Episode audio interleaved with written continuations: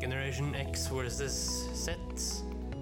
Sandberg Productions presenterer Den ekte samtalen om og med generasjon X og Z.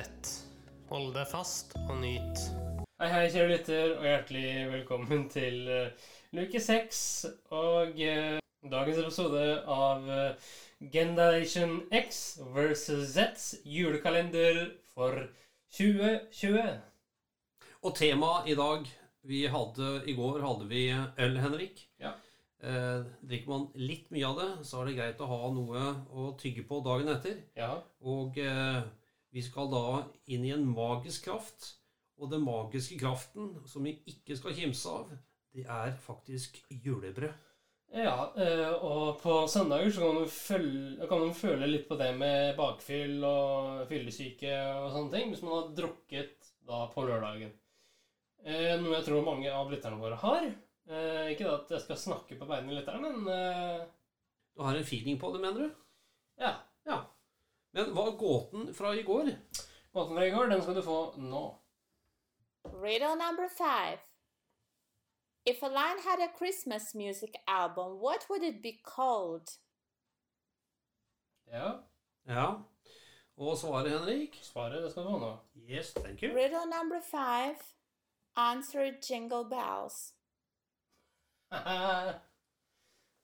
Hæ? Det må du nesten forklare meg, Henrik. Nei, Jeg altså skjønte jeg ikke helt. Nei, gåten her da Ja. er jo eh, Hvis en løve hadde et julemusikkalbum, hva Ja. ville det hett? Eh, og svaret er selvfølgelig bjelleklang. Ja, men hva Ja. Jeg skjønte ikke det. Nei, altså det er jo enkelt og greit, fordi eh, det En løve kan jo finne på å lage ganske mye lyd. Ja, nei, men uh, greit det, Henrik. Vi kjører, kjører på.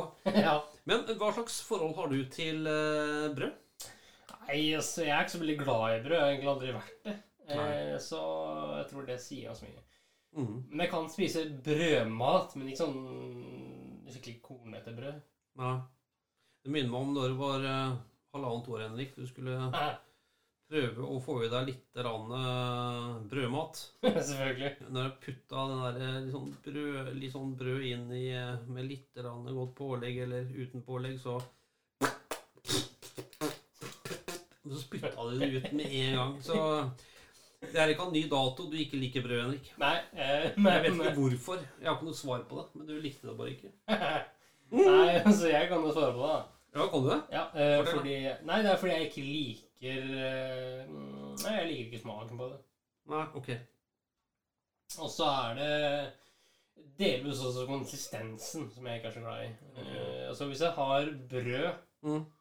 som er veldig mykt, uh, ja vel, da kan jeg spise det, men Mm. eh, enten brød som er mykt, eller med en veldig klar skorpe, hvis jeg gir mening. Okay. En skorpe uten smuler, eksempel. Ja. Det kan jeg fint spise, men noe annet Det okay. var sånn øh. Men, eh, Før vi fortsetter med brød og uh, i dag vårt daglige brød, så eh, ønsker, ønskes det en liten NRK-tuttelutt, kjære sønn. Det skal du få nå.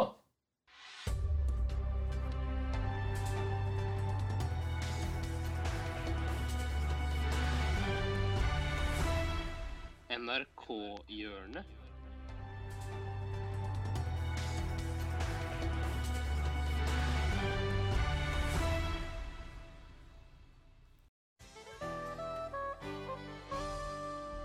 Hei og eh, årsak til nyhendnad. Mitt navn er Brynjar Kvam. Innombels. Sakningsskandalen i Jotunheimnaden tek på nye på nye vender. Dette er nå den andre venda sakningsskandalen tek. Usemja og akkusasjonene mot tredjemann av de tre saknerne har gått hardt inn på tredjepart. Han ble åtklasja for å være falsksaknar etter at det ble avsløra, årsak attsløyra, at han hadde med seg nødutstyr uten å anvende det, heriblant et gjør det sjølv hovedredningssentral-kit. Jeg er ikke noen falsksakner, skal tredjemann ha sagt før han pakka snippsekken, tok bind for øynene og kasta seg ut i Jontunheimnaden helt ensom i går kveld søndag. Han håper med dette å freiste beviset at også han kan melde seg sakna sjøl uten gjør det sjøl hovedredningssentral-kit. Det har nett vært helg. Her er Helgemagasinet. Verdensmesterleikdomen i rundball er avslutta, men finalekampen får ringvirkninger. Kampens hane, ja sjølve Coque Rouge Senadinerøre Sedan, ble fanga for falskt spill da han i uråket motgikk en italiener og nikka han ned. Men det som først så ut som et nikk, viser seg nå å ha litt av ei forklaring. Det hele begynte i Frankrike for 24 år siden. Senadin var bare ti år da han ramla ned med hovedet i ei kjøttkvern og måtte operere inn ei stålplate som forsterknad i kraniebeinet. Samstundes i Italia får den jamgamle italienske gutten Marco Meterossi et illebefinnende og lyt operere inn en pacemaker. Lite visste en på den tida at metallene som ble anvendt i de to operasjonene, hadde motsatt polaritet, og at de derfor tiltrakk hverandre. 24 år seinere, to spillere, én kamp, én arena, én sjanse, 90 minutter, fire dommere, fire cornerflagg, to mål og to trenere. Hele verden som bivånere.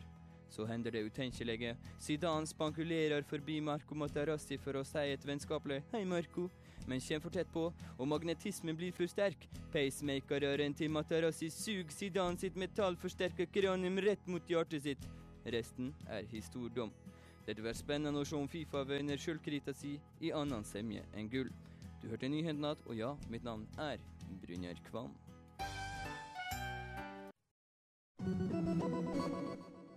Ja. Det blir bare bedre og bedre, den der, Henrik. Ja, det er bra nå. Eh, Så det kan bare gå en vei. Det er opp. Ja, det er det. Det er eh, pila opp. Ja. Men skal vi over til uh, Gi oss i dag vårt daglige brød, Henrik? ja, det kan vi gjøre. Ja, og uh, det sies at uh, den teksten 'Gi oss i dag vårt daglige brød' ikke er tilfeldig valgt ord. Fordi før i tiden så var faktisk julebrødet tenkt å ha en veldig sterk magisk kraft. Ok. Og historien er følgende. Før i tiden pleide man å bake skuebrød før jul. Dette er en tradisjon som nesten har gått i glemmeboka. Vi vet ikke helt eh, hvor gammel tradisjonen er, men du ser skuebrødene på bondegårdsmaleriet fra tidlig på 1800-tallet. Skikken er mye eldre enn som så, og kan faktisk være siste rest av det hedenske offerbordet fra den gangen juletiden var en fruktbarhetsfest. Skuebrødene lå oppå hverandre i en julehaug som en pyramide midt på bordet. Hele julen, og noen ganger kalt julekosten. Aller underst lå såkaka, også kalt vårkaka. Det var den største og groveste. Det øverste brødet ble gjerne pyntet med en stor nøkkel som et symbol på matlageret, eller en valgknute som beskytter mot onde krefter. Men det kunne også være fletter og figurer. Noen formet eh, såkaka som en gris. Helst skulle man bake så mye at man kunne gi brød til fattige som kom innom. Når eh, julebukken banket på døra og ba om en godsak i romjulen, fikk han smake av julekosten. Dette var et offer for å sikre årsveksten. Du måtte ikke glemme å bake noen brød av ekstra grovt mel.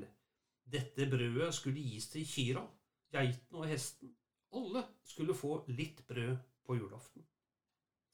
Da alle de fine brødene var spist opp eller gitt bort på slutten av julefeiringa, var det bare såkaka igjen. Som med alt annet som lå framme hele julen, trodde man at såkaka hadde magiske egenskaper. Denne tok man vare på til våren kom. Da skulle man knuse den til små smuler og blande med såfrøene slik at man fikk ekstra god vekst i kornåkeren. Å blande fjorårets brød med årets nye avling er en magisk rite som er like gammel som brødet selv. Den som jobbet i åkeren, spiste gjerne litt av det magiske brødet og ga noe til oksen eller hesten som trakk plogen. Det er vel mye vi ikke tidligere har hørt. Jeg vet ikke om du, Har du hørt den storyen før? Nei. Eh, Så det er nytt. Så nei, og brød i dag, det er jo også noe man ikke kimser av. Nei da, man kødder ikke med brød. Nei, nei. Selv i dagens samfunn. Det vi må ta Vet du hva det er? Nei. Gåten. Du, vi må ha gåten. Hva er gåten? Riddle number six. What did the Christmas tree say to the Christmas stocking? Jeg hørte, nå, det hørte jeg faktisk ikke. Kan, du må nesten kjøre en gang til, Henrik. Ja. Riddle number six. What did the Christmas tree say to the Christmas stocking? Du, kan, kan du oversette den setningen her?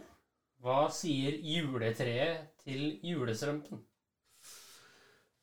Ah, herre min gud.